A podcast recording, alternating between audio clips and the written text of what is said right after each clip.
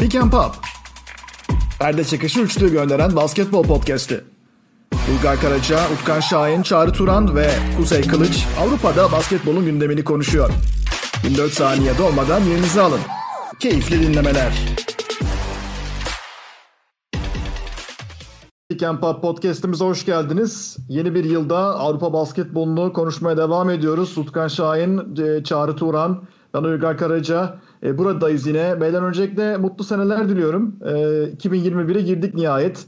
Umarım e, yılbaşı akşamını iyi geçirmişsinizdir ama zaten e, şu dönemde diğer akşamlardan benim açımdan çok da farklı bir akşam olmadı bilmiyorum. E, sizin açınızdan da e, farklı mıydı? Yani basketbol izleyerek e, falan giren var mı? Çağrı, Utkan? yok yok ben izlemedim basketbol da. Yani şey gibiydi biraz.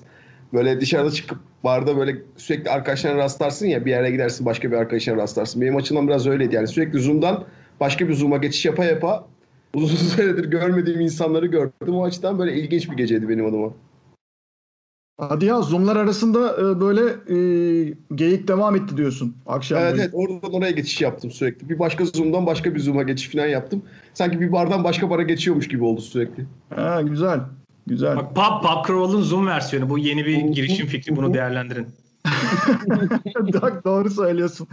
Ben de yıllar önce e, bir yılbaşı akşamı izlediğim bir maçı hatırladım şu an böyle deyince. Vinny Del Negro'nun Chicago zamanları. Beyler hatırlar mısınız? Hı hı. Vinny Del Negro'nun Chicago'sunun bir maçını izlemiştim bir yılbaşı akşamı. Çok uzun yıllar önce yani 2008-2010 arasında çalışmış. Hangi yılda hatırlamıyorum ama neyse yani zaten e, çok iyi hatırlanan bir dönem değildi o. E, velhasıl yeni sezonun ilk yani yeni yılın ilk bölümü diyelim buna. E, Pick and Pop'ta.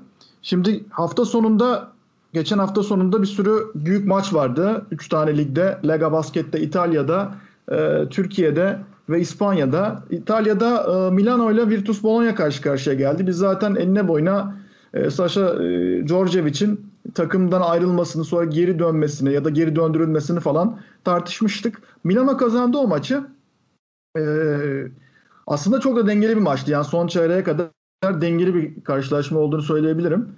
E, benim dikkatimi çeken Marco Bellinelli'nin dönüşü oldu. O takımda dengeler nasıl e, kurulacak şeklinde bir e, meraka kapılmıştım ve Djordjevic son çeyrekte e, tam beklediğim şeyi yaptı aslında. E, Bellinelli'yi Teodosic ve Markovic ile birlikte oynattı ve Bellinelli de zaten e, çok fazla bir şey yapamadı o maçta.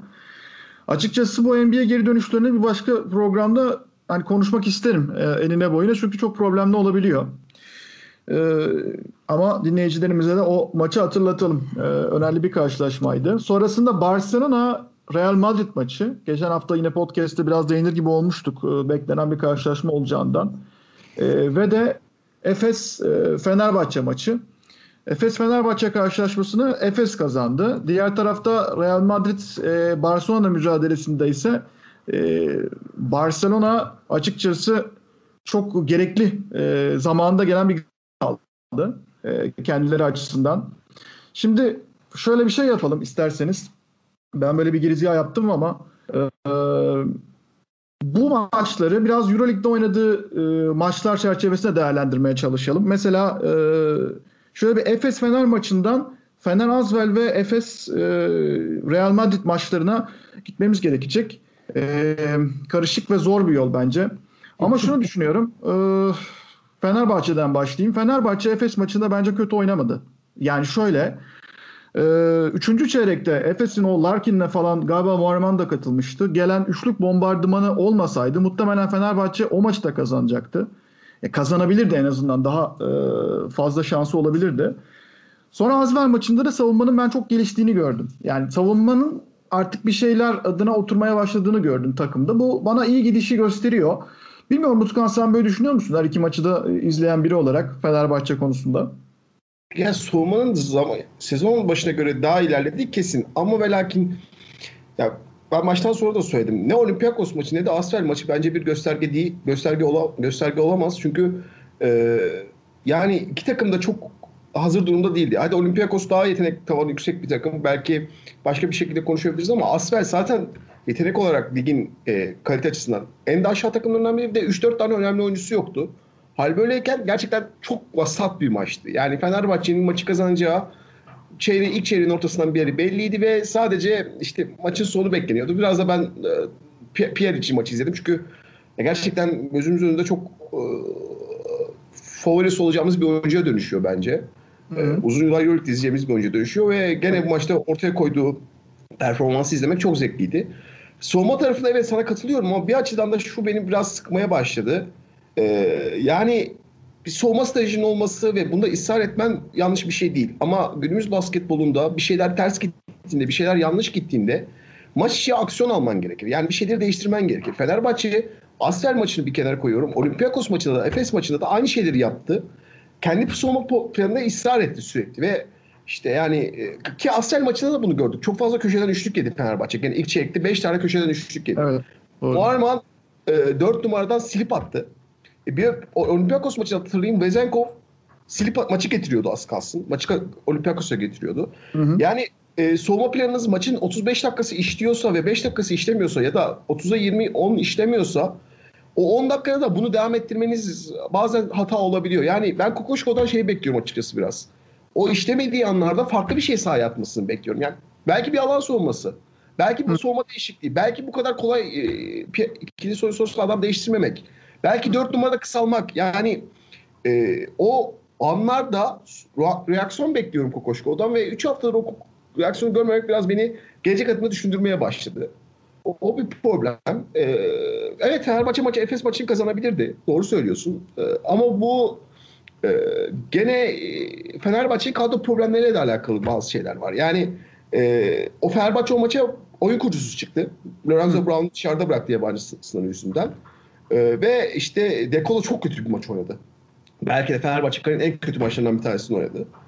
Ve olmuyor. Yani o Dekolo'yu bir numaraya getireyim, e, topu onunla getireyim planı çok oturmuyor. Açık konuşmak gerekirse. Ve Lorenzo da bu kadar gözden düştüyse ki e, Asrel maça da ilk beşte başlamadı. Yedek kenardan geldi. E, evet. E, orada bir, belki başka bir hamle ya da Lorenzo'dan çıkılıp başka bir şey yapılması gerekiyor. Bunun için para var mı, şey var mı bunları bilmiyorum. Sadece saha içerisinde oturmadığından bahsediyorum. Evet. Ve o hücum planı Guduric geldikten sonra Fenerbahçe'nin yarı saha hücumda daha çok rahatladı kesin. Çünkü en basitinden forvetten ikili oyun oynayabilen bir oyuncunuz daha var ve bu e, asist rakamlarından da e, potaya yaklaşmanızdan da belli oluyor. Ama e, süreklilik ve akıcılık açısından hala bir şeylerin oturmadığı ve Dekolo'nun guard olarak yani bir oyun kurucu olarak sahada çok verimli olmadığı da aşikar. O Hı-hı. açıdan evet Fenerbahçe kazandı ve Fenerbahçe son geç, geçtiğimiz aya göre daha iyi basketbol oynuyor ama e, bence erken galibiyetler geliyor diye büyük konuşmanın zamanı değil. Hala bu takımın sıkıntıları varmış gibi geliyor bana. Evet bu arada e, bizim daha önce programda konuştuğumuz diye hatırlıyorum. Nigel Williams-Goss Lokomotiv Kuban'la e, sözleşme imzalamış. Euro Cup'ta oynayacak o da. Yani evet. bence Fenerbahçe'nin düşünebileceği bir oyuncu olabilirdi ama kadrodaki yapılanma e, ve kontratlar ve planlar ne durumda bilmiyorum açıkçası. Aydın için üzüldüm açıkçası. Bence Kuban çok toksik bir organizasyon. Yani Kuba'nın sağ solu belli olmaz. Ya bence ya Hinki'den biraz daha iyi yönetildiğini düşünüyorum açıkçası. Ee, ha, evet orası kesin. Ama Hinki zaten dibin dibi yani. evet. Peki. Ee, Çağrı şimdi Barcelona Real Madrid maçlarını pek kaçırmazsın. Hele e, işin içerisinde böyle iki takım formasını giymiş Minotic gibi figürler olduğu zaman mutlaka e, bir noktasında bakıyorsun o maçlara biliyorum. Mirotic bence Barcelona'da bu sene en iyi maçlarından birini oynadı. Hatta Hani Real Madrid'in e, işte bu Randolph'u sakatlanan sezonu kapatan Randolph'u e, ilk aradığı maçtı. Yani çok uzun sürmedi aramaları ama Garuba'yı e, gerçekten bitirdi adeta Mirotic. E, daha sonrasında e, Dek de denedi. E, Garuba denedi onu tutmayı. Yani kim gelse tutamadı Mirotic'i ve Mirotic bir ara şöyle bir şeydi. Yani maçı kaç sayıyla bitirdi bilmiyorum ama 3. çeyrekte şöyle bir not almışım. Barcelona 53 sayı atmış 21'i Mirotic'ten gelmiş. Yani Barcelona için ne kadar önemli bir oyuncu olduğunu görüyoruz ve zaten e, Bayern maçında da Barcelona'da e, Mirotic olmayınca neler olduğunu gördük. Yani Bayern bayağı net bir galibiyet aldı. Hem e, biraz belki Real Madrid maçı e, izlenimlerini konuşabiliriz. Hem de yani Real Madrid'in ne kadar dirayetli bir takım olduğunu ve ne kadar adaptif bir takım olduğunu Efes karşısında da gördük e, her türlü kadro problemine rağmen işte mesela Efes maçında Kozer Alosan, Abalde, Tompkins ve Garuba gibi 5'le başladılar. Bu çok farklı bir beş ama her şeye rağmen Lasso e, belki Barcelona maçını kaybetti ama kazanmayı başardı Real Madrid. Bu haftayı belki Real Madrid babında e, değerlendirmeni istesem senden neler söylersin? Randolph'un yerine gelen Tyus'la birlikte bir şeyler daha iyiye gider mi? Çağrı. Bir kere bence Real Madrid'le alakalı şu an hani kafalarında işte Campazzo soru işareti en azından ne olacağı belirlendi. Randall şu anda denklemin dışında. Biraz daha önlerinde artık şu anda bir daha net bir yol var. Yani kim var ellerinde kim yok onlarla ne yapabilirler onun üzerine kafa yorduktan sonra bu bahsettiğin adapte olma becerilerinin biraz daha net bir sonucunu görmeye başlıyoruz. Ki Real Madrid'in bence e, yani organizasyon olarak özellikle Pablo Luz döneminde hani çok kayda değer başarılarından iki tane noktadan bahsedeyim. Bir tanesi gerçekten kadrodaki böyle rotasyonun veya isimlerin çok önemli olmadan neredeyse 12 oyuncunun hangisinin herhangi birinin bir günün katkı yapabileceği ve çok böyle üst seviyeye bir oyuncunun yıldız isimlerinde yerine göre eğer o gün performans vermiyorsa gayet kenarda 35 dakika oturtulabileceği çok genç bir oyuncunun yani Doncic değil sadece bir sürü genç oyuncu oraya atıldı. O gün oynuyorsa ve o gün performans verebiliyorsa onu bütün topların onun üzerinden gidebildiği bir yapı vardı. Bu bir tarafı yani bu kadar geniş bir kadroyu ve egoları bir yerde idare edebildi. Diğeri de bu özellikle adapte olma konusunda Real Madrid'in zaman içerisinde yani daha kuvvetli olduğu ve oyunun merkezini oluşturduğu yapılar hep böyle evrildi. Ve bazen sezon içerisinde evrildi, bazen sezondan sezona çok değişti. Oradaki ana direksiyondaki oyuncuların rolleri değişti. Yani ilk zamana bakıyoruz çok daha tempo odaklı bir takımdı. Sonra Sergio Rodriguez'in biraz daha ipleri eline aldığı ve tempoyu e, sürekli force eden bir takımdı. O gitti ondan sonrasında işte biraz daha savunmanın ön plana çıktığı bir takım oldu. Bir de bir sezon Lulun, bir sezon Doncic'in böyle arkasında geri kalan parçaların sürüklendiği, idare ettiği bir takımdı. Sonra savunma merkezli bir takım oldular şu anda. Mesela gene iki sezon önceki şampiyon takımları gibi aslında şu anda da bence sanki oraya doğru evriliyorlar. Diğer böyle alternatif yani standart ideal bir oyun kurucuya sahip olmayıp geri kalan böyle tüm kanat oyuncularından diğer parçalarından da biraz daha inisiyatif alacak ki Kasör'ün o role girebileceğini biliyorduk. Bu maç mesela girdi ve onu gösterdi. Böyle farklı oyunculara göre dönemsel olarak böyle güç merkezini, e, ağırlık merkezini değiştirebilen bir takım. Ve gün sonunda yetenek, yani çok yetenekli oyuncusu var takımın. Bir sürü oyuncu evet düşüşte böyle beklentileri karşılamayan oyuncular da var ama o ağırlık merkezini maçtan maça veya sezonun dönemsel bölümlerinde farklı farklı yerlere taşıyabilen bir takım tehlikelidir. İkincisi karakter olarak da ya, maçın her zaman bir maçların böyle bir 25-30 dakikasını biraz daha rolante oynama alışkanlıkları var. Ama eğer siz onlara bir mesafe verirseniz yani onlara hala bir vurma mesafesi, vuruş mesafesi bırakırsanız maçın sonunda son bir mutlaka bir adım atıyorlar. Ve evet. Olympiakos'ta yaşadı. Bu hafta bence Efes'te yaşadı. Orada bir yani daha fazla bir şey var. Ee, tecrübeleri de var, yetenekleri de var. O şekilde yani sezonun bu bölümlerini idare edebilecek, götürebilecek bir takım. E bunun örneğini gördük yani.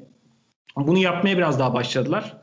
Ee, mesela çok hani ne yapacaklarından emin olmadığım bir noktaydı. Mesela Laprovitto'yu biraz daha oyun içine sokma kararı almışlar gibi. Yani ve o olabilir. Yani gün sonunda Real Madrid takım böyle daha spesifik teknik konuları şey yapmayan, bağlı olmayan, farklı oyuncularının becerilerine bağlı ve onların güçlü yönlerine yönelik onları kullanmak üzerine o ana oyun planı sürekli değişen, evrilebilen bir takım. Bence o tip şeyleri de yaptıkları zaman yapmaya eğer yani karar vermişler gibi gözüküyor. Oralardan eğer bir iki belki bir iki oyuncudan daha fazla böyle iyi verim alabilirlerse mesela prodüktör tabii ki çok önemli faktör olur. O zaman gene e, böyle şampiyonluk için çok tehlikeli ve tehdit eden bir takım haline gelirler diye düşünüyorum. Evet Real Madrid tarafı öyle. Ee, Barcelona orada çok kritik bir maç kazandı. Çünkü onu da kaybetmiş olsalardı Euroleague'le beraber işte 4 maç üst üste kaybediyor gibi bir konuma geleceklerdi. Bayağı sıkıntı olacaktı. Peki Efes tarafına bakalım. Efes'te e, bizim bazen görmezden geldiğimiz yani düzelebilir işte Larkin hele bir toparlansın falan dediğimiz sorunlar e, sanki biraz kalıcı hale gelmeye başladı. Baktığımızda 75 sayı ve altında e, kalınan karşılaşmalar e, adedi artmaya başladı. Utkan endişelenmeli miyiz? Bu hafta da yine böyle bir e, hücum sıkıntısı çekilen bir maç oynadı e, Anadolu Efes ve 65 sayıda kaldı Real Madrid'e karşı. Bence maç biraz spesifik bir maçtı. Yani çok değerlendirebileceğimiz bir maç değildi ama uzun vadede evet endişelenmeliyiz bence. Çünkü mesela Fenerbahçe maçına da Efes iyi oynamadı. Kazandı ama Efes iyi oynamadı o maçı. Ne Larkin ne de Miçic oyun içerisine girebildi.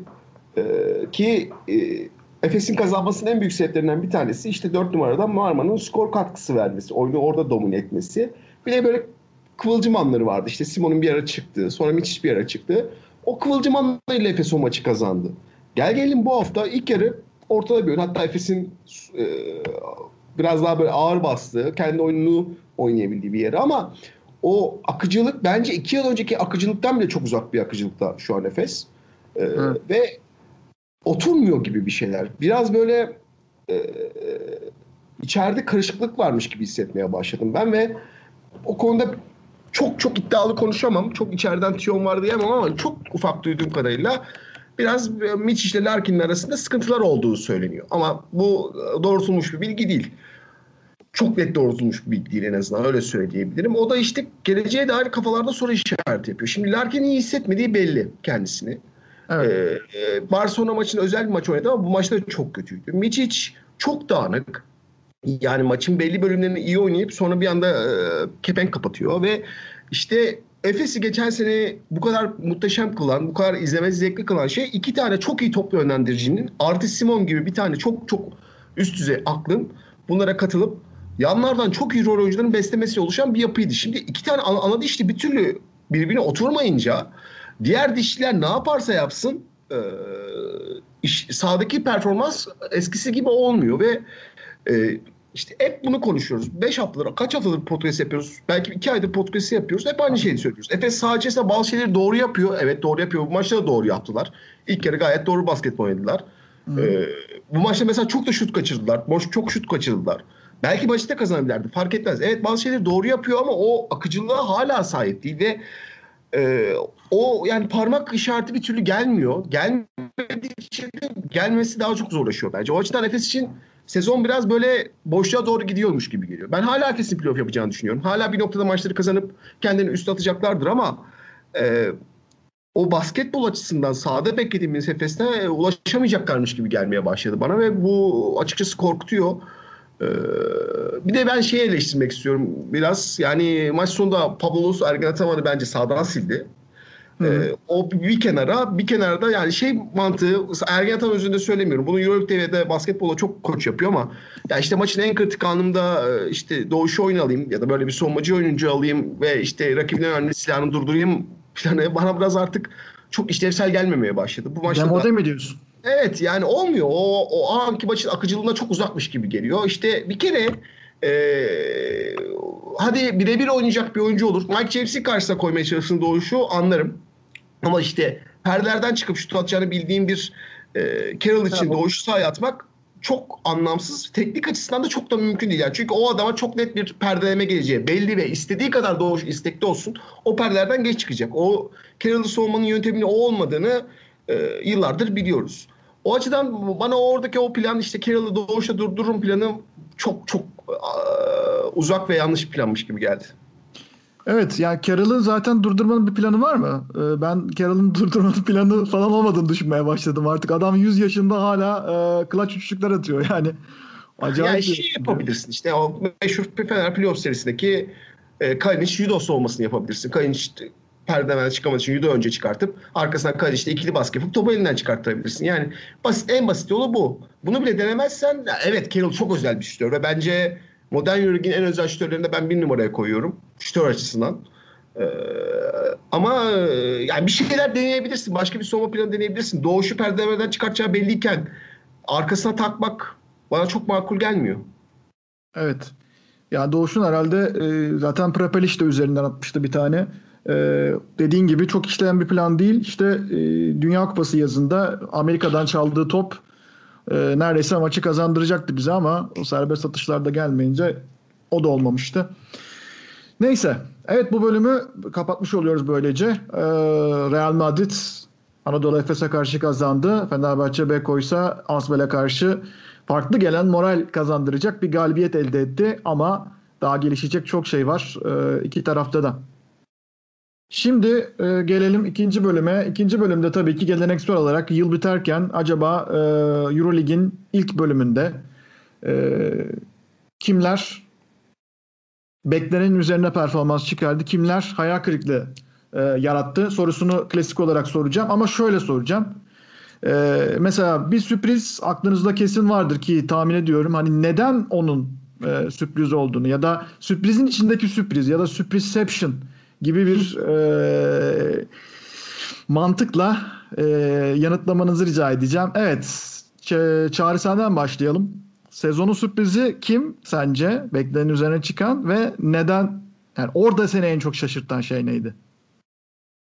Ya aslında böyle iki tane takım belki benim özellikle söyleyeceğim ama Güzel. ben bir tanesinden başlayayım. Tabii. Ee, aslında birkaç tane takımdan bahsediyoruz yani beklenenin Aynen. üzerinde veya İki de olabilir tabii ki. birden falan. Şimdi birer birer takımlara gitmek lazım. Zenit'le ilgili e, beklentimin dışına çıkan şey şu.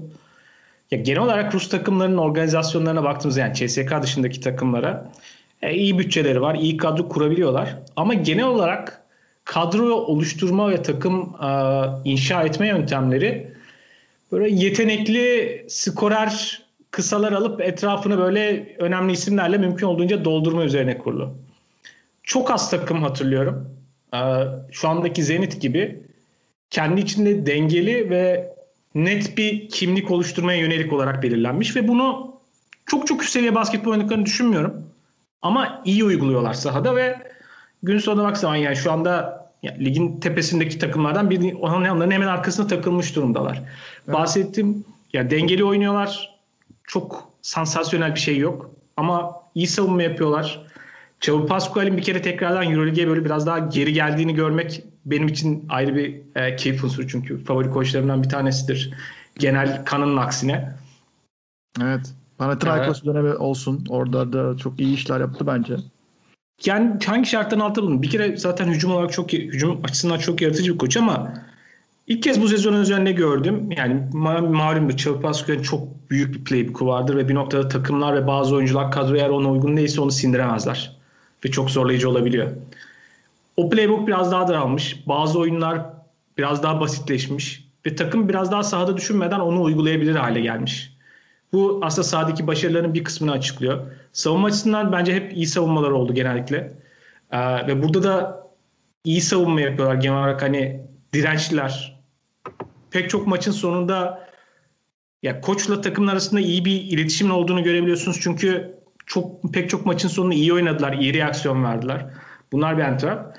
Ve mesela şeyler geliyor aklıma. Bunun gibi oynayan böyle dengeli yapılar üzerine kurulu başarılı Rus takımlarını hatırlamaya çalışıyorum. Mesela bir tanesi yine Evgeni Paşutin'in e, Unix kazanıydı 2012'de. Çok iyi savunma yapıyorlardı. Çok iyi nerede yapacaklarını seçiyorlardı. E, yanlış hatırlamıyorsam aynı sezon bu sefer Euro Cup'taydı. O zaman Spartak St. Petersburg'daydı. E, Zdolc'un takımı. E, Evet doğru. Kapandı sonra iflas etti. Evet Patrick Beverley işte o sezonun MVP'siydi yanlış hatırlamıyorsam o takımın en önemlisi. Mesela o da öyle bir takımdı. iyi savunma yapan takımdı. Evet. Kuba'nın zaman zaman öyle sezonları oldu farklı koçlarla. Barzakas sezonu ayrı. Onun dışında mesela e, Paşutin'le Euro Cup kazandıkları sezonda mesela daha farklıydı yani. Evet. E, işte Kratis'in MVP olduğu Euro Cup'ı kazandıkları sezon. Bunun gibi aslında böyle çok sansasyonel olmayan dengeli kurulmuş takımların ve yani Rusya'da işlemesi güzel. Bu her zaman olmuyor. Bir kere bu e, güzel bir nokta ve açısı halihazırda Euroleague'de tepedeki takımlarla böyle alttaki takımların yani en alt tabakayı çıkarıyorum ama böyle şu anda bir belki 12 tane falan takım birbirinden çok farklı uzak noktada değiller. Ve Zenit de kendini böyle yukarıya atarak ve galibiyet alarak ya bu dönemde galibiyet sayısı toplayarak kendine bence önemli bir avantaj elde etti. Sezonun artı noktalarından bir tanesi. Evet, e, Zenit 15 maçta 10 galibiyet elde etmiş durumda. E, Xavi Pascual'den. Birçoğu da bunların deplasmanda geldi bu arada. O da enteresan. E, bu haftaki maçları Maccabi'ye karşıydı. E, yine deplasmanda gelen bir galibiyetti. Ama bunlar çok önemli galibiyetler. Ben özellikle yani işte Barcelona ile birleştirmek gerekirse Kevin Pangos'un gidişine nasıl izin verildi? Ee, şaşırıyorum çünkü Barcelona bir numarada problem yaşıyor bence bu sene. Her ne kadar işte Kalatis var orada. Hanga onu yedeklemeye çalışıyor falan. Yani Pangos bence Barcelona'da oynayabilecek bir oyuncuydu ama nedense e, o ayrılık e, Zenit'e yaradı bir şekilde ve çok da iyi oynuyor e, Kevin Pangos. O yüzden Ee, benim de beğendiğim takımlardan biri. Ona güzel değindin e, Çağrı. Şimdi Utkan sana döneceğim. Aklındaki takımı biliyorum sanki ama e, bakalım e, sen de böyle sağ gösterip sol vuracak mısın acaba? Evet, sen de e, sürpriz takım ve beklenenin üzerine çıkan takım kim ve neden? Hani ben de sürpriz yapmayacağım. Ben Bayern'i seçeceğim. tamam süper. Ee, yani çünkü bence ben hala inanamıyorum yaptıklarına açık konuşmak gerekirse. Bana hala doğruymuş gibi gelmiyor. Böyle e, Trinçeri'nin ha- hayali evrinde yaşıyormuşuz gibi geliyor e, bazen. Çünkü yani Leon Radosevic ve işte e, J.J. Johnson'ın ilk beş başladığı bir takımın Euroleague'de bunları yapıyor olması e, çok çılgınca. Gerçekten çok çılgınca. Yani ben bu hafta maçı izledim. Ay dedim işte ilk çeyreği izledim. Hafta sonunda Brose maçı vardı galiba. Brose maçı vardı evet. Hı hı. Ee, e, Apar Alba ya Brose ya Alba maçı vardı. Bundan sonra o maçta çok çok akıcı değillerdi. Bu maçın da ilk çeyreğinde böyle biraz yavaş başlayınca iyi dedim. Yani Bayern'de bir şeyler biraz galiba normale dönüyor. Yani çünkü şu ana kadar gösterdikleri performans çılgıncaydı.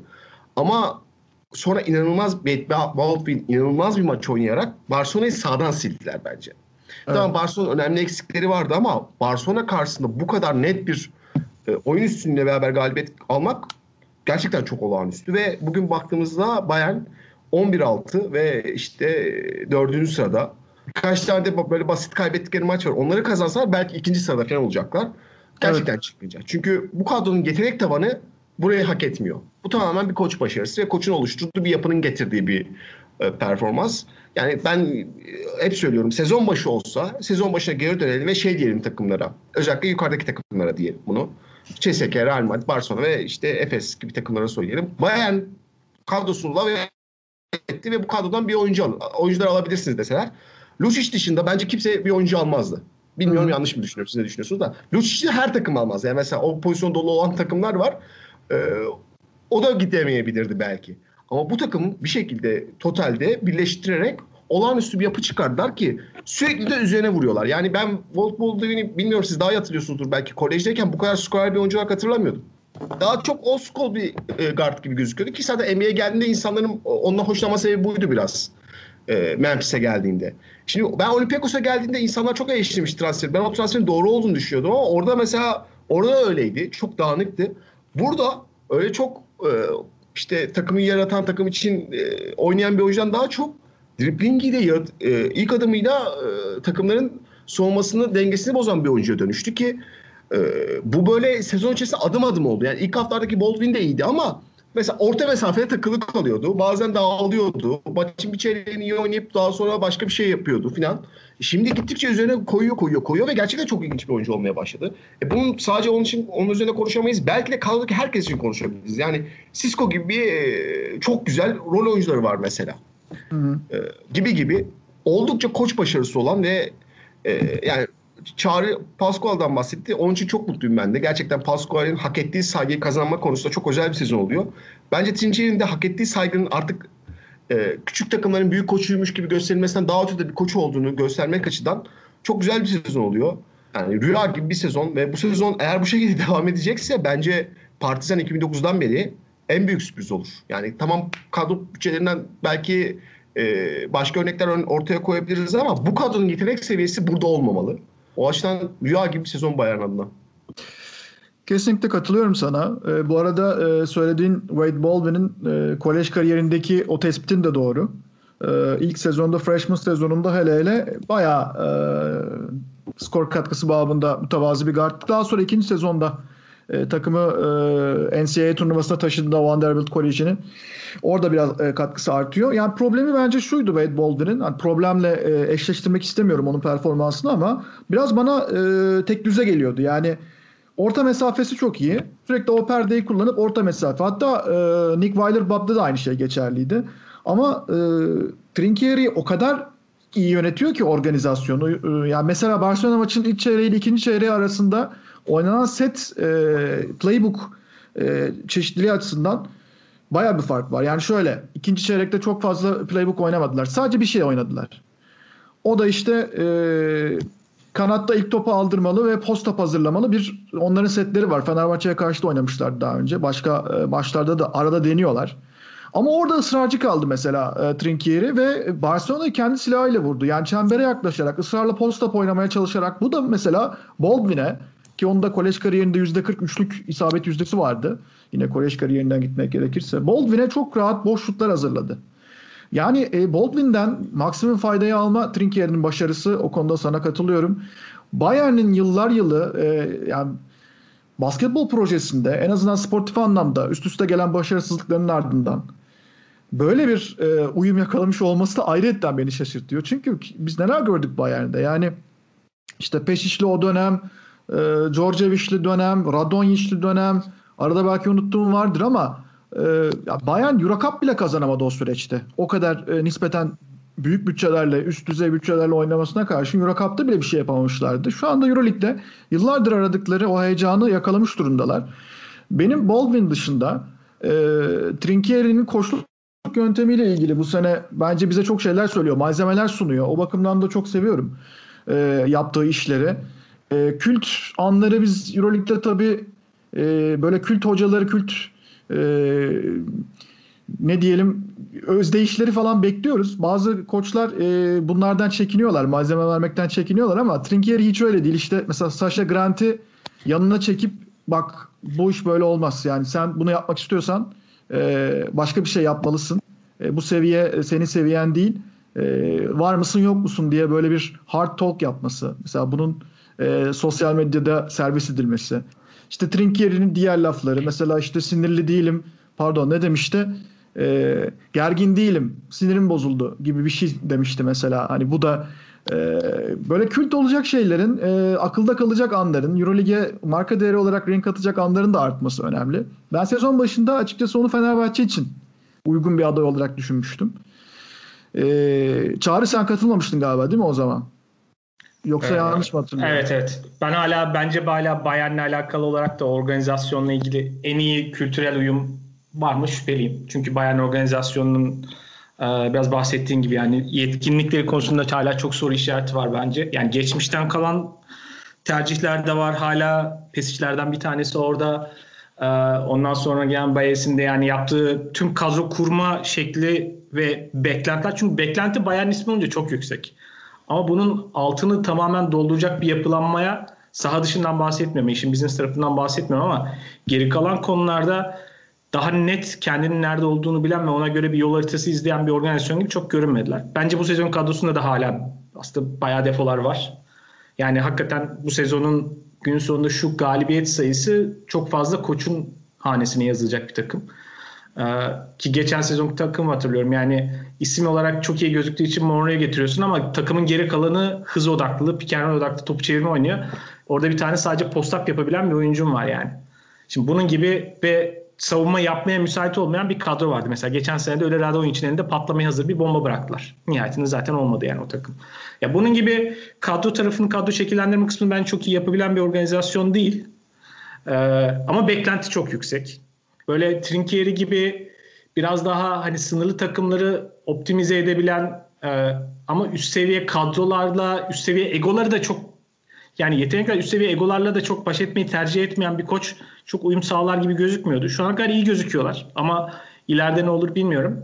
Benzeri bir mesela Fenerbahçe için de geçerli. Bence Fenerbahçe'nin kültürel yapısına Trinkieri tarzı koçlar çok uymayacağını düşünüyorum. Ee, kolay değil en azından. Ama Trinkieri için bir şey ekleyeyim ben de. Benim de çok sevdiğim bir koçtur. Hani e, çok çok az insanlar özellikle röportaj yapmak için bu kadar çaba göstermişimdir zamanında. Hani hiç şey yapmaz.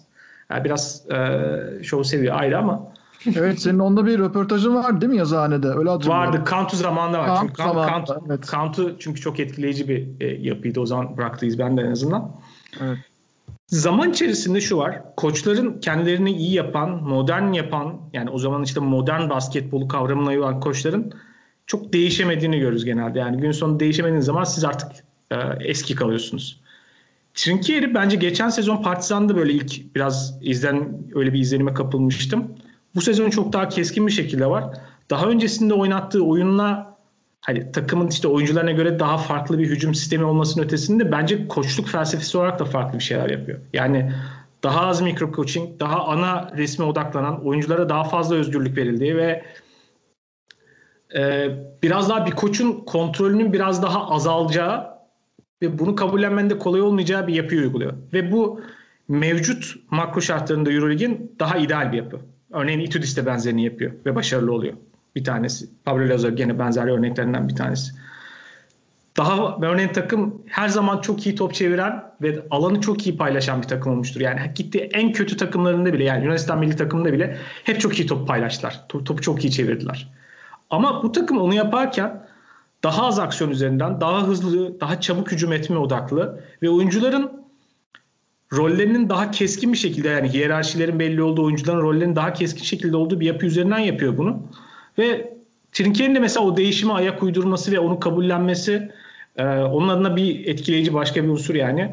E, belki daha uzun, daha başka, daha zaman belki daha detaylı gidişata göre konuşuruz ama o açıdan da ben e, Trinkier'in geldiği noktayı çok takdir ediyorum. Evet şöyle bir kadroyu düşünüyorum. Mesela Jalen Reynolds. Geçen sene Maccabi'ye geldiğinde Reynolds berbat bir haldeydi.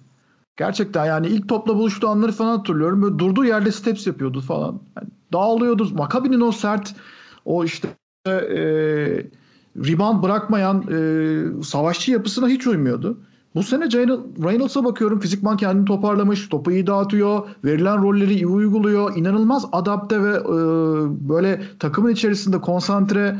Gerçekten e, o uyumu vermek her koçun başarabildiği bir şey değil ki. Hani Sferopoulos e, bile zorlanmıştı ki bu konuda iyi koçlardan biridir bence Reynolds. Yani James Gist geldi. Bu saatten sonra James Gist mi olur falan dedik ama işte Bayern maçında Gist de başladı mesela maça.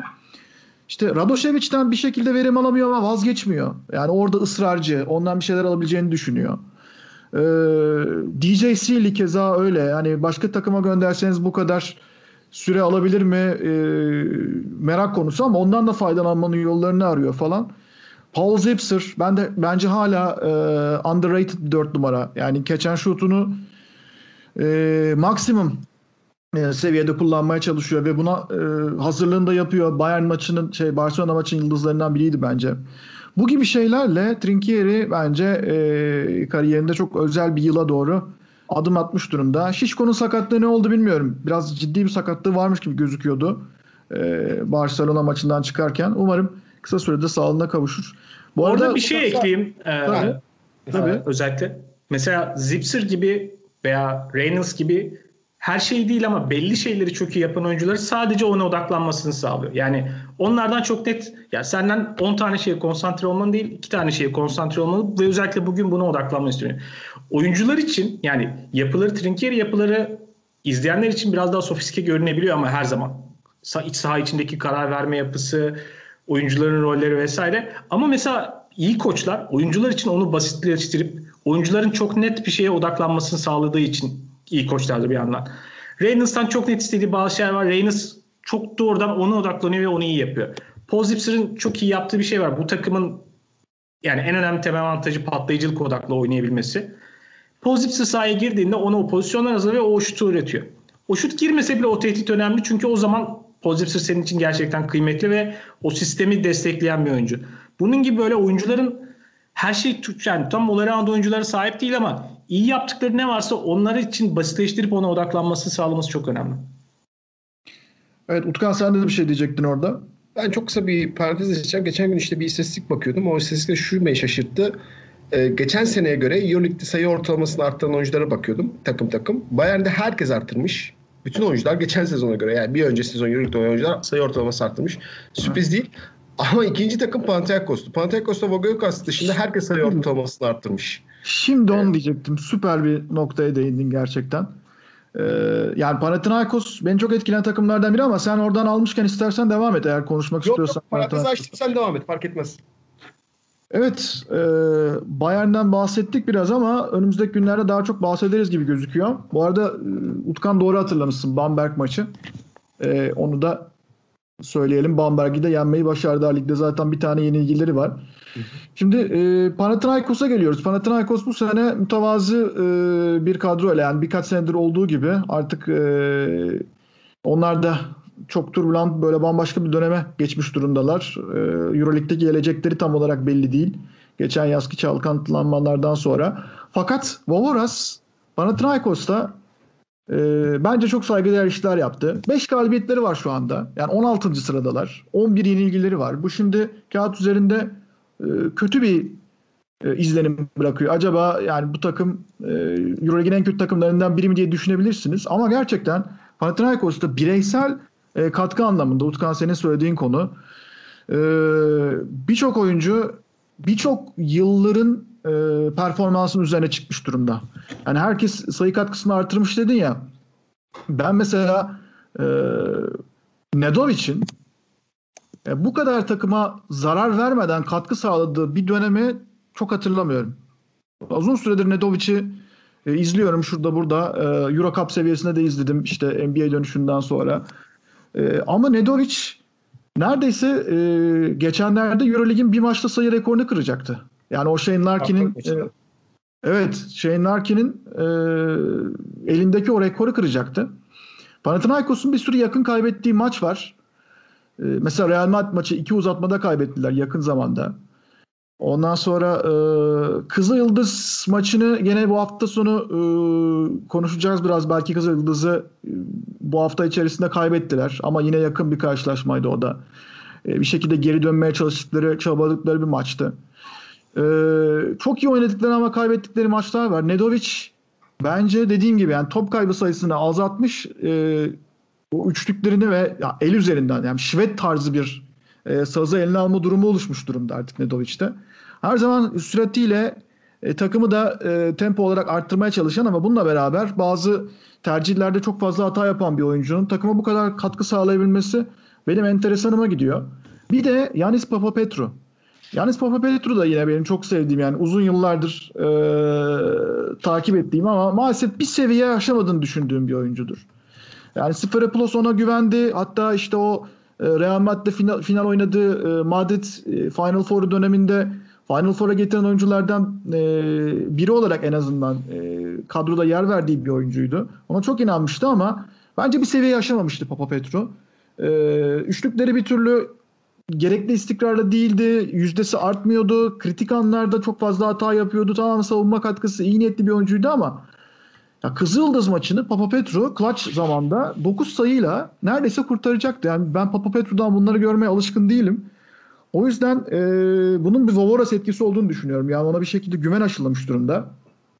O yüzden bence bu sezonun e, sürpriz yapan Zenit dışında, e, Bayern dışında benim performansını takdir ettiğim, sürpriz olarak nitelediğim e, takımlardan biri de Vovoras'ın Panathinaikos'uydu. Bakalım önümüzdeki günlerde playoff'u zorlayabilecekler mi ama Bilmiyorum Çağrı senin bir yansıma var mı Panathinaikos üzerine?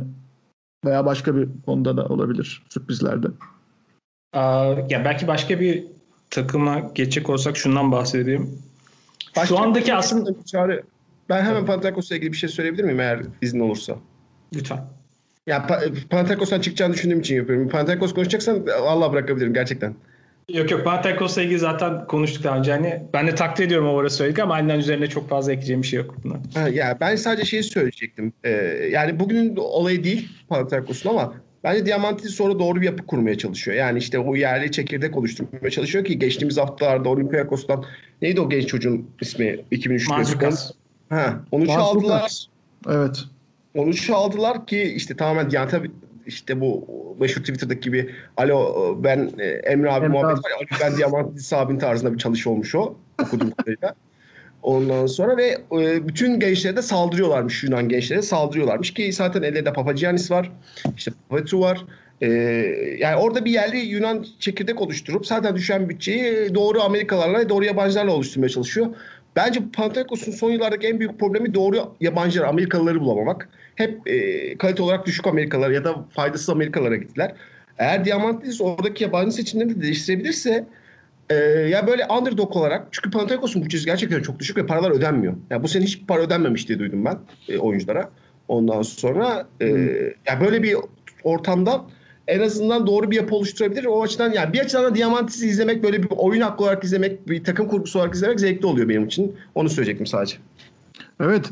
Yani işte ben Bentil mesela e, gayet iyi oynuyor. Yani 4 numarada bayağı iyi katkı veriyor ki o kadar yetenek tavanı üst düzey bir oyuncu değil. Ee, işte Leonidas Kasalakis yani Kasalakis unutulmak üzere e, olan bir oyuncuydu. Undersized bir 4 numara o da. Fakat ondan da verim alıyorlar. E, o bağlamda beni hakikaten şaşırtan bir takım. E, tabii nerelere gelebilirler? Mansukas ne zaman oynar? Bu gibi sorular e, hala geçerliliğini koruyor. E, mesela senin bahsettiğin Yunan çekirdekten işte Lefteris Bohoridis var. Bohoridis de henüz e, çok fazla süre almıyor ama bir şeyler yapmaya çalışıyorlar ve o yüzden ben de merakla bekliyorum Panathinaikos'un önümüzdeki zamanlarda ne yapacağını. Ee, Çağrı senin bir eklemen vardı buraya sanki demin. Ee, ya başka bir takıma geçecektim aslında. Tabii. Ben. Bence hali hazırda galibiyet sayısı fena görünmese de bence performans olarak daha fazlası olması gereken bir takım var. Ee, ve bu aslında beklentilerim ben sezonun ilk 2-3 maçını izledikten sonra yenilemiştim. Yani onlara göre yukarı çıkarmıştım. Bakalım. Ve hali hazırda bence hayır.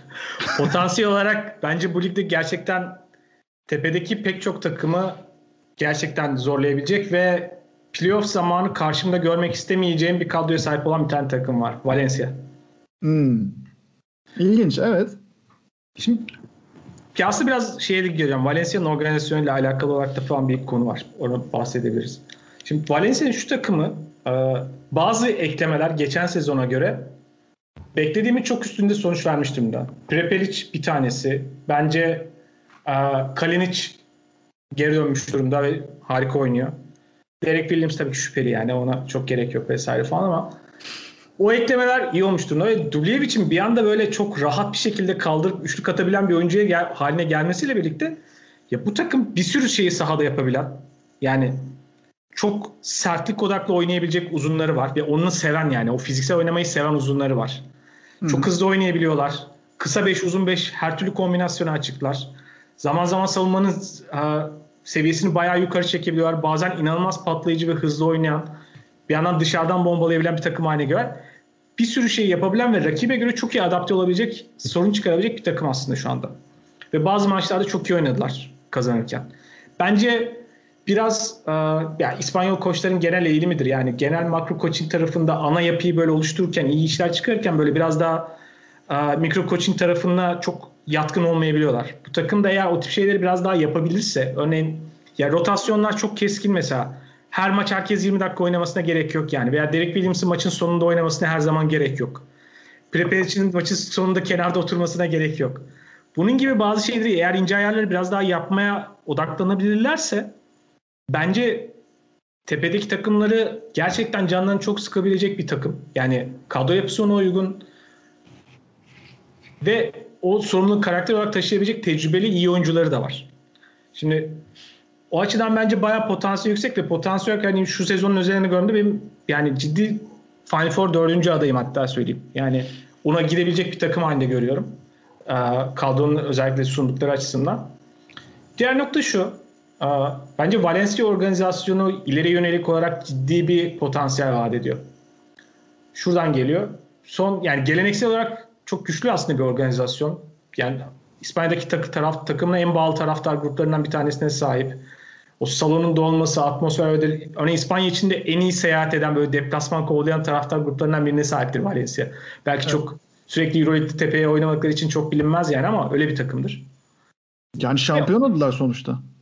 Evet oldular ve hatta yani herhalde son sene içinde hatırladım belki en zayıf koçlarıyla oldular. O da ilginçtir. evet. Yani ve organizasyon olarak böyle çok istikrar odaklılar. Yani kadrodaki oyuncular mesela çok vefalılar. Bazen oyuncular mesela pragmatist olarak o biraz size sıkıntı yaşatabilir. Çünkü bazen bazı oyuncular biraz performansı düşerken onlarla çok yol ayırmadılar. Devam ettiler. Kadroda böyle çok sıra dışı anlık böyle fırsat transferleri çok girmediler. Hep böyle istikrarlı ve kendi ayağını yorganı özeten bir takım olmayı tercih ettiler. Bu sizi istikrarlı yaparken daha tepeye ulaşmanız noktasında eğer yani çok yüksek paralar harcamıyorsanız sizi biraz sınırlayabiliyor. Elinizi dönem sonra böyle patlayabileceğiniz veya ya 4-5 senede bir tane çok iddialı takım oluşturma şansı elinizden alabiliyor. Biraz böyle bir organizasyonlar. Bu onların belki e, ileride bir zaafı olabilir. Yani sadece bu açıdan baktığımda. Ama bir değişiklik daha oldu birkaç yıl öncesinde. Şimdi kulüp satıldı. Ve takımı satın alan e, Joan Roig, umarım ismini yanlış telaffuz etmemişimdir İspanya'nın en yüksek servetine sahip olan insanlardan bir tanesi. İspanya'daki e, öyle önemli indirim marketlerinden bir tanesi. Yani süpermarket grublarına sahip olan e, isim. Ve al satın aldıktan sonra organizasyonda mesela fazla köklü değişiklikler oldu. Bu tip takımın aslında sezonluk yani A takımın planlamasında değil ama örneğin çok büyük bir tesisleşme hareketine girdiler. Yani şu an belki Avrupa'nın bir numaralı altyapı takımlarını birlikte çalışabileceği tesise sahipler. Onu açtılar. Yeni salon girişimleri var tabii şu an durmuş durumda ama yeni bir salon inşaatı durumları söz konusu. Büyük bir daha da büyük bir salona taşınacaklar bir noktada. Örneğin erkek takımla paralel olarak bir anda bir kadın takımı kurdular. Kadın takımlar da Avrupa'da iddialı bir takımla sahipler şu anda. Eskiden Tamamen- de vardı zaten. E, Ama başka bir takımda. Aveni'deydi Evet. sanırım o. Şu anda başka bir takımdan bahsediyoruz. Yani Evet. Yanlış hatırlamıyorsam başka bir takım. zaten e, lafını kestim affedersin. Kadınlar Euroligi İstanbul'da kazandıktan sonra kapattılar şubeyi. Bitirdiler Aa. yani operasyonu. Yani organizasyon mesela bu tip şeylere dikkat eden böyle genel büyük çaplı bir aslında yapılanma var. Evet. Günlük olarak parayı dağıtmadan yapıyorlar. Şimdi bunların hepsi potansiyel olarak onları ileride daha istikrarlı ve sürdürülebilir iyi bir organizasyon yapma yönünde önemli adımlar. Mesela şu an altyapı tarafında mesela turnuvalarda yani işte Next Generation Tournament'ta falan bayağı genç yetenek var. Yani ve Evet. baktım kadrolarına bir sürü Avrupa'nın farklı yerinden, dünyanın farklı yerinden oyuncular var. Yani oraya genç oyuncuları alarak onları yetiştirerek yukarıda kendine bir avantaj yaratmak için planlama var. Ve hep bunların her her şeyi yapıyorlar. Bir tek şey hariç. Anlık olarak böyle deli gibi para harcayıp sansasyonel isimler getirmiyorlar şu anda. Ve oraya baktığımda da çok net bir görüntü var. Şimdi genel olarak bu tip böyle çok zengin olmuş insanlara baktığın zaman eğer bir kulüp satın alıyorlarsa veya başkan oluyorlarsa dönem sonra kısa dönemde böyle çok para harcayıp e, sansasyon peşinde böyle kısa vadeli iddialı takımlar kurmaya giderler. Şimdi ve genelde bu tip insanlara baktığında yetiştiği yerler işte ya inşaat sektöründen gelir ya enerji maden sektöründen gelir. Takımların para harcama e, alışkanlıklarına baktığınızda bunları görürsünüz. Şimdi genelde o parayı o kadar kolay kazanmışsanız çok kolay harcayabiliyorsunuz. Ama tabii operasyonun her aşaması ince detaylara belirlenen, çok iyi maliyet yönetimi yaptığınız, çok sıkı pazarlık ettiğiniz bir indirim süpermarket zinciri sahibiyseniz o paranın ne kadar zor kazanıldığını farkında olarak o kadar da harvur parmağı savunmuyorsunuz ve akıllı ve sürdürülebilir yatırımlara odaklanıyorsunuz. Hani bir yandan böyle böyle sıra dışı farklı bir durum var Valencia organizasyonunda. Takım olarak da bu sezon eğer daha yukarı giderse şaşırmayacağım ama daha uzun vadeli olarak orada çok iyi bir yol var. Bir ondan bahsetmek istedim. İyi ettin çünkü geçen e, Final Four'da e, Baskonya'da iken, yani Vitoria'dayken e, bu İspanyol gazetecilerden bir tanesiyle Valencia üzerine konuşuyorduk. E, o zaman da çok fazla gündeme gelen bir konuydu. Yani e, Mando de Colon neredeyse Valencia'ya geçiyor olduğu, Valencia'ya geçmek üzere olduğu, e, eşinin Valencialı olduğu, bu yüzden de e, Valencia'ya çok sıcak baktığı falan gibi haberleri ben hatırlıyorum. Senin bahsettiğin yıldız transferi konusunda Fenerbahçe'deki durumunu da göz önünde bulunduracak olursak acaba ona bir teklif götürürler mi bir süre sonra? Çünkü eğer iş ciddiye binerse Valencia dediğin gibi yani Final Four favorisi haline gelir ki kulüp tarihinin hani zirvesi olur. O e, daha tam e, Pamesa Valencia zamanları 2000'lerin başı Eurolig'in e, başları zamanlarını bir kenara bıraktım ama gerçekten çok enteresan olur. E, bilmiyorum Utkan öyle bir şey olabilir mi? Yani Valencia biz ta ilk programda konuşmuştuk galiba seninle. E, böyle bir yıldız transferine yönelebilir mi acaba diye bazen düşünüyorum. Benim de beğendiğim bir takım ama biraz istikrarsızlar sadece. Ya ben artık Dekol'un yıldız olup olamayacağı konusunda kafamda soru işaretleri var ya. Yani çok çok doğru bir yapı kurman gerekiyor Dekolo için. Ve işte arkasını çok iyi doldurman gerekiyor. Yaşı 34 olacak bu yıl sonunda. Ee, yani e, bence Valencia'nın öyle bir hamle yapması gerekiyor. Yani o hamle açısından bir yıldız, bir takım ileri götürecek bir bir, bir lider oyuncu bulması gerekiyor Boja'nın yanına. Ee, ama Dekolo o isim olmalı mı ben o konuda çok emin değilim. Çünkü yani Dekolo son CSK'daki son serisinden beri düşüşte olduğu bir gerçek. Ee, yani memleket geri dönmek ki Valencia çıkıştı. Yani Valencia'da kariyerinin büyük bir çıkışını yapmıştı. Evet. Bence çok çok e, tutarlı olmayabilir. Onun yerine daha yükselişte olan bir e, oyun yıldız adayı bulurlarsa onlar için daha doğru olabilirmiş gibi geliyor açıkçası.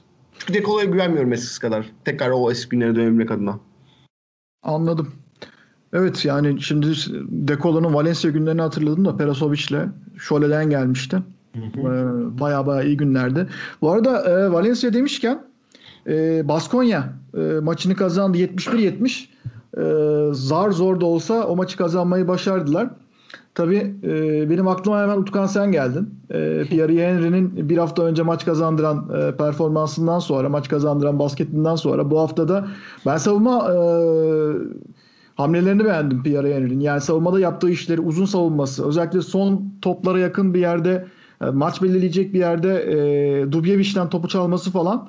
Henry gerçekten e, herhalde bu yarım sezonda e, normal yaptığı gelişimin üzerine biraz daha kattı. E, bu konuda sana bırakacağım sözü. Henry'nin performansını iyi takip edenlerden birisin çünkü sen de. Ee, ya ben orada hemen şey söyleyeyim aklımdayken ya seni o Twitter'da paylaştığım videoları da izlesinler. Ee, biz dinleyenler çok etkileyiciydi ben. Yani Pierre Henry'nin neden özel bir kısa olduğunu soğuma açısından gösteren bir şeydi. Çünkü ya yani yanlış bir tabir olduğunu düşünmüyorum. NBA'de bence bunun çok net bir örneği var. Tabii ki kaliteleri çok farklı ama Marcus Smart gibi. Yani evet. Marcus Smart'a karşı oynadığınız hiçbir ters eşleşme aslında ters eşleşme olmuyor.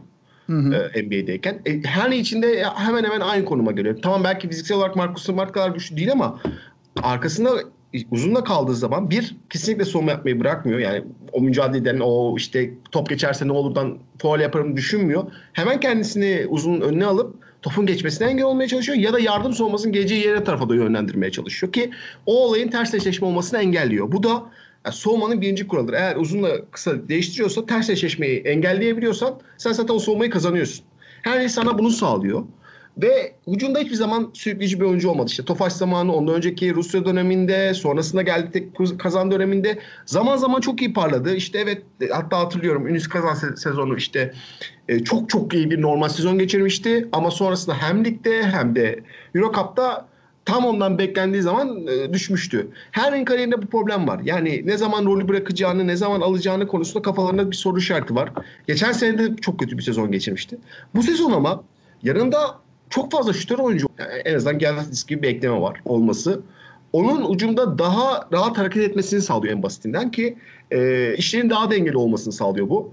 E, o açıdan ben Baskona'nın çok iyi bir takım olduğunu düşünüyorum. Bence orada e, kalite yetenek açısından gene tavanları çok yüksek değil. Ki mesela Jekiri sezona çok kötü girdi. Evet. E, hiç beklendiği gibi girmedi Asvel'de olduğu performans sergileyemedi ama orada işte Polonara onun boşluğunu çok iyi doldurmuştu o sırada.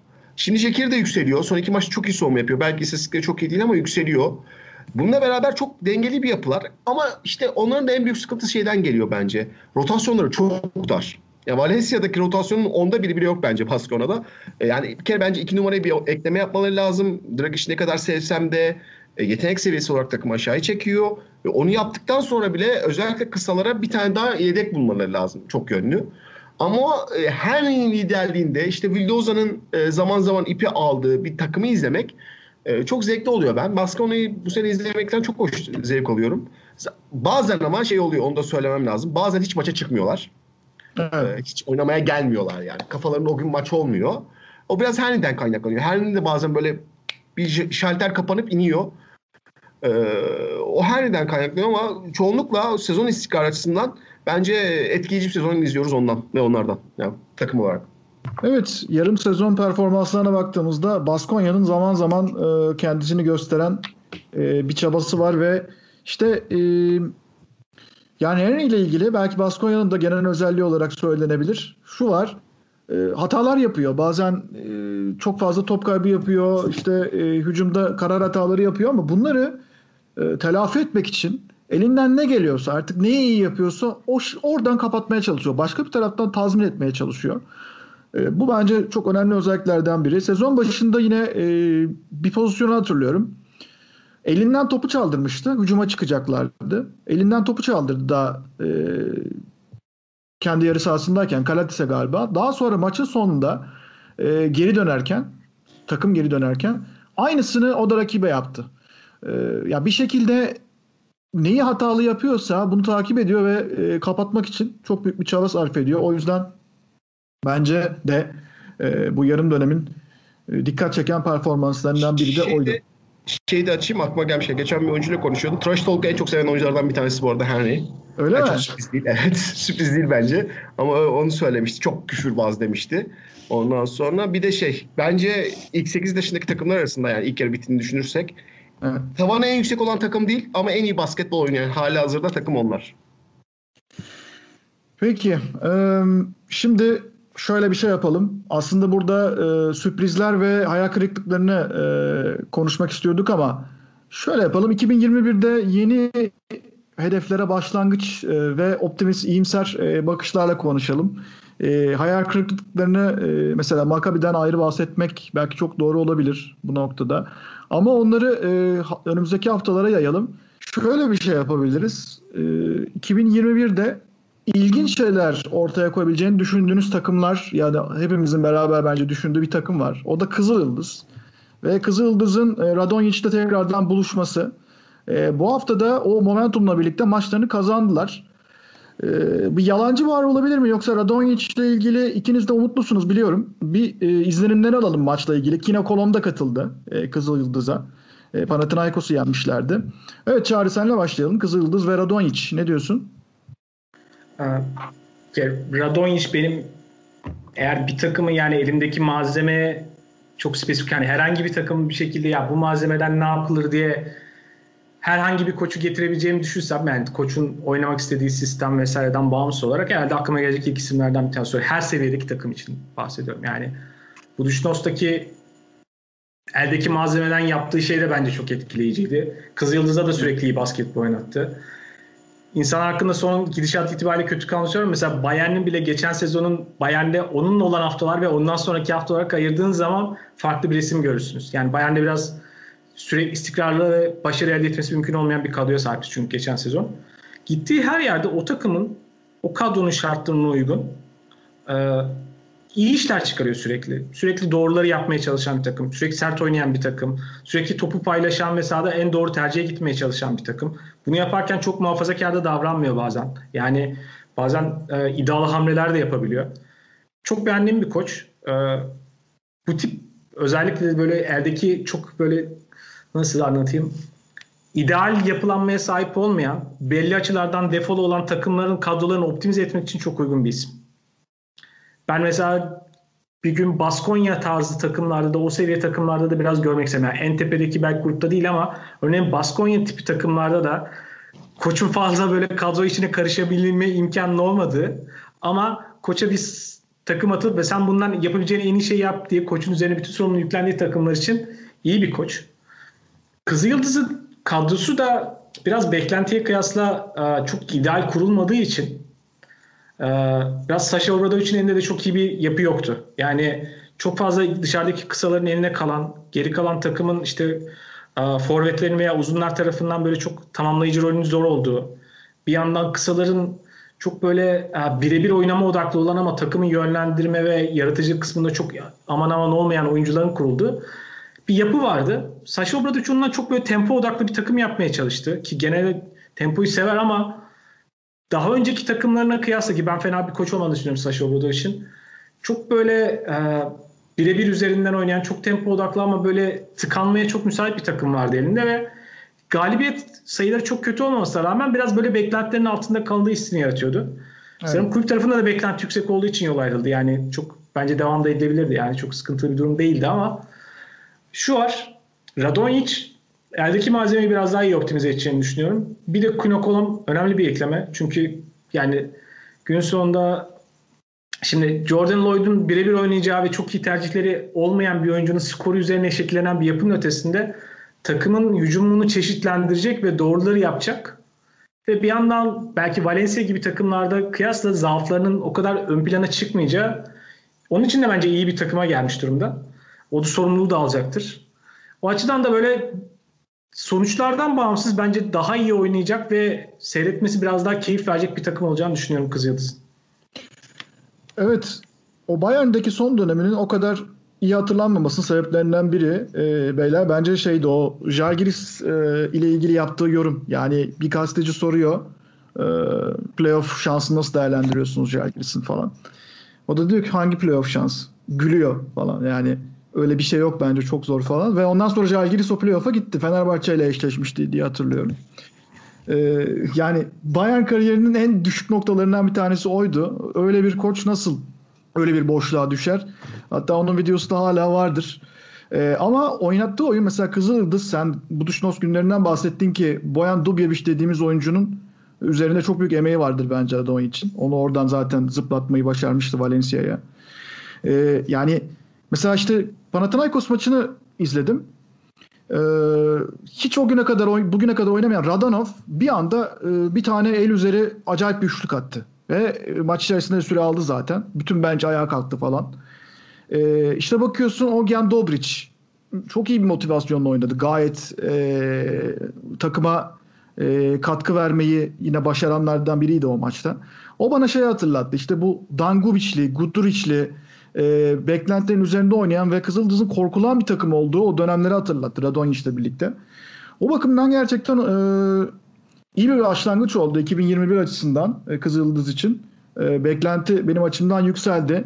Kolon da hani iyi bir transfer. Valencia'da e, süre bulamıyordu zaten. Bence o yüzden onun da oynaması adına biraz tabii James Harden gibi hafif kilolanmış, göbeklenmiş falan ama benim gördüğüm hiçbir zaman süper atlet değildi ama ona atacaktır zaman içerisinde diye düşünüyorum. O yüzden e, Kızı Yıldız evet güzel bir başlangıç oldu. İlginç oyuncuları var yani e, Duop Reed olsun ondan sonra Johnny O'Brien olsun. Bunlar e, Euroleague'de enteresan bir yapı getirebilecek oyuncular. Dışarıdan üçlük atabilen oyuncular çünkü. Uzunlar çünkü. Ee, Utkan sen ne diyorsun Radonjic ile ilgili beklentiler? Ya şu an ya şöyle bir talihsizliği var bence Radonjic için. Şu an çok fazla sakatları var. Ee, yani birkaç tane oyuncusu sakat sakat oynuyor. Ben e, benim Kızıldız'dan beklentim sezon başındaki beklentim özellikle kısaların atletik olması ve işte yani mesela çok iyi bir savunmacı gözükmese de e, en azından İsrail döneminde e, istekli bir savunmacı olan Jordan Lloyd'u da hesaba katarsak işte Corey Walden zaten Partizan'dan biliyoruz. E, şeyde Langston Hall da öyleydi. Yani savunmada çok ön tarafı sert. Arkada işte e, Londra Enkongu da katıldı şimdi. E, onun da olması yani bir tane çember savunmacı olması. Çok akıllı olmasa da sert bir takım olmalarını bekliyorum ben onlardan. Ee, ve özellikle iç sahada tamam taraftar olmasa da bu sertlikle beraber işte oyunu e, kendi istedikleri hale getirebileceklerini düşünüyorum. O açıdan maçı mesela Fenerbahçe maçı onlar için önemli bir gösterge olacak. Evet sakatlıkları şu an sıkıntı ama eğer Fenerbahçe maçında o sertliği görebilirse onların böyle bir yola gidebileceğini düşünüyoruz. O açıdan da izlemesi zevkli bir takım olur. Yani ben Kızıldız'dan bunu bekliyorum açıkçası. Sert bir takım olmasını, takımların canını yakmasını. Ya e, Kızıldız oynuyoruz işte maçı bir şekilde çözeriz değil de ya işte onlar e, o kadar çok sertler ki e, kolay ma- maçı kazanacak olsak bile acı çekeceğiz mentalitesini e, rakiplere vermesini bekliyorum. E, daha önce bunu yaptı. İşte playoff yaptığı dönemde de e, işin hücum tarafından öte savunma tarafından bahsediyorum. E, bunu sahaya koymayı başardı Radonjic. Bence Bayern'de de başarmıştı bunu ilk sezonunda. E, diğer takımlarında da başardı. Ben bunu bekliyorum ve bunu istiyorum görmek. E, ben e, Çağrı kadar Obradovic'in iyi bir koç olduğunu düşünmüyorum. Bence e, takımın genelinden daha çok oyuncuların e, alabileceği roller açısından yanlış hamleler yaptı. Yani mesela Lloyd'u e, takımın tek skorerini ve işte birebir oynayan istediği kadar sorumluluk olan bir oyuncuya çevirdi. Lloyd İsrail'de böyle bir oyuncu değildi. E, bu rolü o kendisi bence zorladı ve o rolü bir kere verdiği zaman Amerikalılara e, bir daha geri döndürmek çok zor oluyor. E, bence Loxton Hall sezona çok iyi girmişti. Onun rolünü ayarlayamadı. İşte Walden'ı ayarlayamadı. E, diğer e, geldiği rotasyonu ayarlayamadı. Bence elde çekirdek olarak e, oyuncuları büyütebileceği ve bir rolüne sokabileceği yerler vardı. Takımın genelinde bunu yapamayıp e, oyuncuları belli bir alana sürükledi. E, o açıdan ben Rodovic'in başarısız olduğunu düşünüyorum bu döneminde. E, şimdiki Rodovic ile beraberse o rolleri biraz da oturtup sert bir takım olarak e, belki playoff yapamayacaklar. Ama e, oynaması sert ve üzücü bir takım olacaklarmış gibi geliyor. Evet Kızıldız'ın 5 tane önemli maçı var önümüzde. Bizleri de ilgilendiren. Öncelikle 7 Ocak'ta e, Fenerbahçe Beko ile oynayacaklar. Sonrasında Real Madrid ve Valencia deplasmanları. Ardından Barcelona oyunu oynayacaklar ve Anadolu Efes'le İstanbul'da oynayacaklar. Bunların hepsi e, onlar açısından e, sezonu belirleme konusunda önemli olacaktır diyoruz.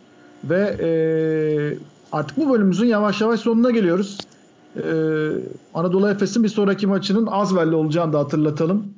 Ee, 8 Ocak'ta oynayacak Anadolu Efes Azvel'le. Evet beyler ağzınıza sağlık. Ee, 2021'in ilk programını böylece yapmış olduk. İlk podcast'ini. Ee, umarım keyif almışsınızdır sizler de. Ben çok keyif aldım. Teşekkürler hepinize. Ben de çok keyif aldım. Hepinize teşekkürler. Daha herkese iyi seneler diliyoruz. Pick and Pop'tan iyi seneler herkese. Yeniden görüşmek üzere bir sonraki programda. Hoşçakalın.